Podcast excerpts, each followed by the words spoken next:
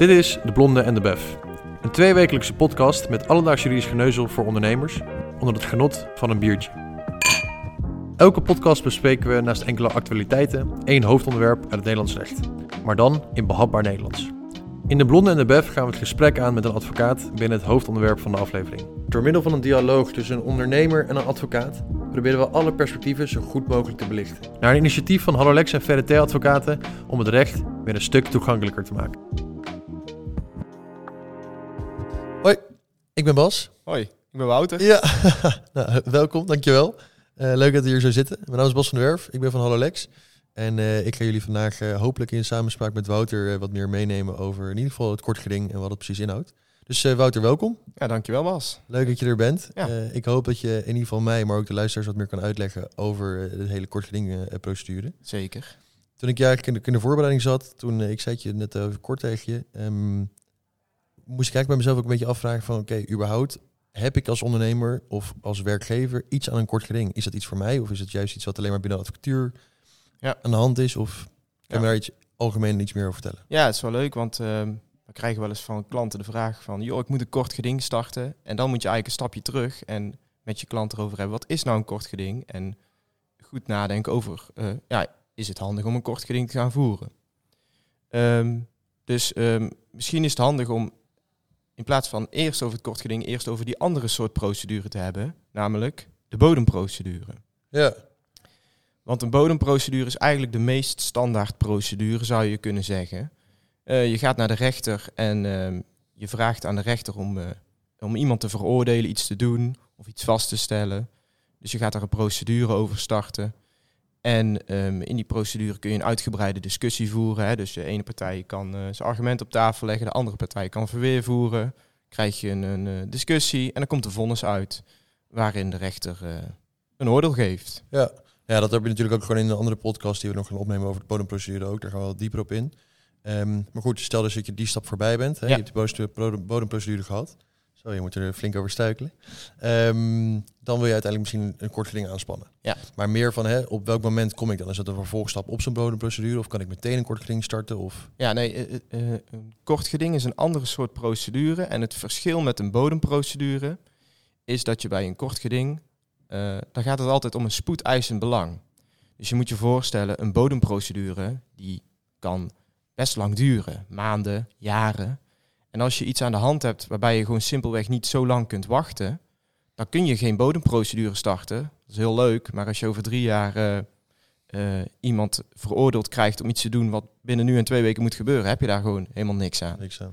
En dan is het dus uh, een optie om een kort geding te starten. De spoedeisend belang. Oké, okay, en, en heb je enige praktijkvoorbeelden? Stel eens, waar loop ik dan tegenaan met mijn bedrijf? Ja, zeker. Um, je kunt, um, nou, een schoolvoorbeeld is er gaat iemand een boom kappen en jij wilt niet dat dat gebeurt, ja, dan kun je daar niet twee jaar over gaan procederen, want tegen die tijd ligt die boom al lang om.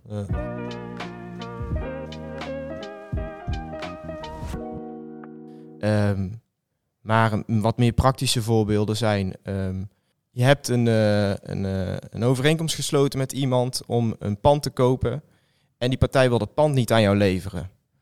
Uh, en jij wil voor elkaar krijgen dat dat wel gaat gebeuren. Dat, en je wil dat snel hebben, omdat jij ook weer plan hebt met dat pand. Je wilt doorpakken. Ja, ja juist.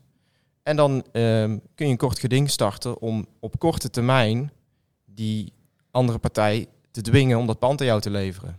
Oké. Okay. Daar kun je dan simpelweg gewoon niet twee jaar op wachten. Dus als ik tegen partij zeg, nou ik ga het echt niet verkopen, dan kan je zeggen, ja, luister, dan ga ik een kort geding starten. Ja. En dan bel je een advocaat. Ja, en dan uh, uh, uh, gaat dat traject wat anders in zijn werk dan bij een gewone procedure, want hè, er zit spoed achter. Mm -hmm.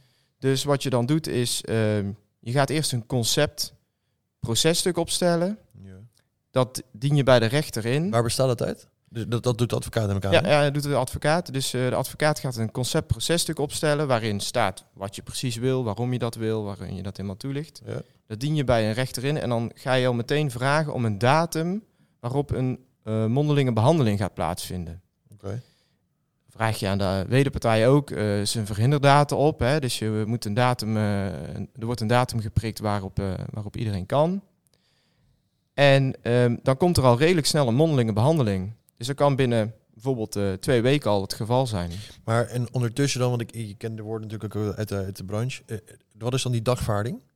Een Dat is dan tegenover de andere partij, zeg maar. Ja, dus een dagvaarding is een eh, processtuk waarin je op een rijtje zet wat er is gebeurd, feitelijk, wat, wat dat juridisch betekent en wat voor gevolg daar volgens jou uitkomt, namelijk wat jij wil dat die ander moet gaan doen. Oké. Dus nou, in het voorbeeld dat ik net noemde, Maar dat gaat dus niet naar de rechter, maar dat gaat dus naar de wederpartij. nee, dat gaat naar de rechtbank. Oké. In, eh, dat dien je daarin. Dan ziet de rechter, oké, het is een zaak die ongeveer daar en daar over gaat. En die plannen dan een, eh, een mondelinge behandeling.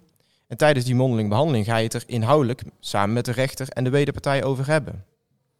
En ehm, wat bijzondere aan een kort geding is dat eh, eigenlijk een hele procedure, die normaal twee jaar bijvoorbeeld duurt, in een hele korte periode volledig gaat worden doorlopen. Want voor die zitting kan de wederpartij ook nog een verweerschrift indienen. Tijdens die zitting ga je het daarover hebben. En dat wordt allemaal in een tijdspanne van een aantal weken gepropt. Maar het komt wel altijd voor de rechter. Of is schikken binnen een kort geding ook gewoon... Ja, ja, eh, eh, het gebeurt natuurlijk ook wel eens dat ehm, in aanloop naar zo'n zitting een wederpartij toch zijn keutel intrekt en Ja. eh, je er alsnog uitkomt en dat die zitting niet eh, hoeft door te gaan. Dat gebeurt ook. Dus eh, de dreiging van een kort geding of van een mondelinge behandeling kan soms ook wel werken. Ja. En wat is dan een beetje de tijd? Want oké, dan heb je eh, dagvaarding geschreven. Eh, vanuit daar ga je dus de- naar de zitting toe als het ware, en naar Ja. de rechter toe. Ja.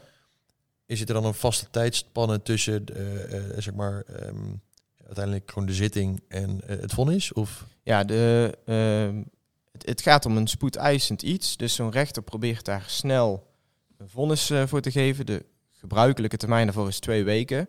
Maar het kan ook gebeuren dat de rechter tijdens de mondelinge behandeling al uitspraak doet. Eh, in het voorbeeld van eh, bijvoorbeeld een boom die eh, niet gekapt mag worden, wat vanmiddag staat te gebeuren, ja, dan kun je ook geen twee weken Nee, meer ja. wachten. Dus dan kan het zijn dat, er, dat je begin van de middag al een zitting hebt en tijdens die zitting de rechter al uitspraak doet. Dus dat kan heel snel gaan. Ja. En het leuke daarvan is dat je heel veel in, in een korte tijd moet doen. Er zit veel meer eh, ad hoc reageren op, veel meer improviseren om het zo maar te zeggen. Want je Mhm. hebt niet een hele uitgesmeerde procedure waarbij je heel veel schriftelijk doet, heel lang kunt nadenken over wat de wederpartij stelt, hoe je daarop moet reageren. Nee, dat wordt allemaal in één eh, korte procedure gepropt. ja. Dus eh, het kan best zijn dat je op de zitting komt en pas daar te horen krijgt wat de wederpartij eigenlijk voor verweer voert. Moet je van tevoren goed over nadenken. precies, want daar moet je dan meteen op in gaan spelen. ja, natuurlijk. juist. Eh, dus je moet allerlei scenario's uitdenken als advocaat. Ja. Misschien komen ze met dit, misschien komen ze met dat. Hoe ga ik daar dan op reageren? En dan is het de kunst om eigenlijk tijdens de zitting zo goed mogelijk daarop te reageren. Maar en wat eh, even uit de praktijk, want zo werkt het dus volgens het boekje. Hè, dagvaarding, eh, zitting, vonnis. Ja. Ehm, wat is dan in de praktijk een beetje hoeveel van die, want ik hoor best wel vaak dat er heel, eh, echt 80% bewijs, bewijs van wordt geschikt. Is dat bij zo'n kort geding ook? Of is dat... Ja, bij een kort geding zie je toch wel vaker dat het wel echt op een zitting aankomt. En ehm, omdat je ook van tevoren verhinderdata opvraagt bij de wederpartij. En soms is er ook al een advocaat aan de andere kant betrokken. Ja, op het moment dat je dan echt een kort geding gaat starten, dan gaat dat ook wel plaatsvinden vaak. Dus bij een gewone procedure zie je vaker dat er eh, in aanloop naar het echt starten van de procedure wordt geschikt dan bij een kort geding. Ja. Maar het gebeurt wel en op zich is het natuurlijk altijd goed als je een procedure kunt voorkomen. Want het, eh, het, het, eh, het bespaart je een hoop Tijd kosten. en geld. Ja. ja, onzekerheid. En Ja. je geeft het toch uit handen aan een rechter. Dus als je eruit kunt komen, is dat eigenlijk altijd wel een voordeel. En wat, wat als ondernemer, want ik, ik kan me best wel voorstellen dat ik misschien tegen bepaalde dingen aanloop. Dat ik denk van nou, ik weet niet of dit wel eh, ja, hoe zeg je, onderwerp is voor een kort geding, zeg maar. Of waar Ja. ik hier überhaupt mee moet. Is dan gewoon een kwestie van gewoon überhaupt even bellen en vragen, is het iets voor een kort geding? Ja, zeker. Kijk, wat je altijd moet doen is kijken wat er aan de hand is. Eh, Dat, met de klant, dat, dat bespreken wij met de klant. En dan vervolgens gaan we bekijken, oké, is het dan handig om kort geding te starten? Is het dan handiger om bijvoorbeeld een eh, flink gepeperde brief eh, te sturen? Ja. Soms is het handiger om gewoon even af te wachten en niks te doen. Dat Als je, ligt je stelt na zo'n vraag niet meteen natuurlijk gewoon zijn dagvaarding op, maar je gaat misschien eerst gewoon een mail sturen naar de, de wederpartij. Zeg maar. Nee, zeker niet. Nee, en ehm, nou ja, soms kan het best, eh, kun je best al snel de beslissing hebben gemaakt dat het het handigste is om een kort geding te starten. Ja, precies. En dan is het een kwestie van je agenda leegmaken en volle bak aan het kort geding gaan werken. Ehm, maar daar, je, daar moet je wel altijd een goede beslissing over maken. Ja, ja, die risicoafweging als het ware. Ja, zeker. Ja, gewoon bedenken, is dit nu handig om te doen? Ja of nee? En daar eh, moeten wij als advocaat samen met de klant over nadenken. Ja, nou goed. En stel dus dat het, dat vonnis is geweest, dan heb je die drie stappen doorlopen, dagvaarding, zitting, vonnis. Dan is er volgens mij ook een mogelijkheid om even vervolgens in de hoger beroep te gaan, toch? Binnen een bepaalde termijn. Eh, ja, dat klopt. Net als bij een gewone procedure kun je ook bij een kort geding in hoger beroep gaan. Ja. Omdat het spoedeisend is, zo'n procedure, zijn die termijnen wat korter. Dus in plaats van drie maanden zit je op vier weken. Ja. Dus ook als je in hoger beroep wil gaan, moet je daar snel een beslissing over nemen. Dat zie je wat minder gebeuren dan bij gewone procedures, hoger beroep. Want vaak is er dan al een keer een klap opgegeven door de rechter. En dan zie je wat vaker dat partijen het daarbij laten. Maar dat kan wel, ja. Je kunt in hoger beroep gaan. En dan gaat zo'n hoger beroepprocedure ook weer heel snel verlopen. Ja, precies. Nee, goed. Oh, dus dat is ook anders weer. Zo'n hoger beroepprocedure bij een kort geding, je loopt ook anders dan bij een hoger Ja, dat beroep. kan. Je kunt dan een spoedappelprocedure starten. Oké. Die is een stuk korter. Nou ja, daar gaan we het in een andere podcast nog een keer over hebben. Ja. Ik wil in ieder geval bedanken nu voor de antwoorden op, op deze vragen. Graag gedaan. Ik hoop dat het iets duidelijker is, in ieder geval eh, voor mij, ehm, met alles met betrekking tot het kort geding. Dus ehm, thanks. Graag gedaan. Jo.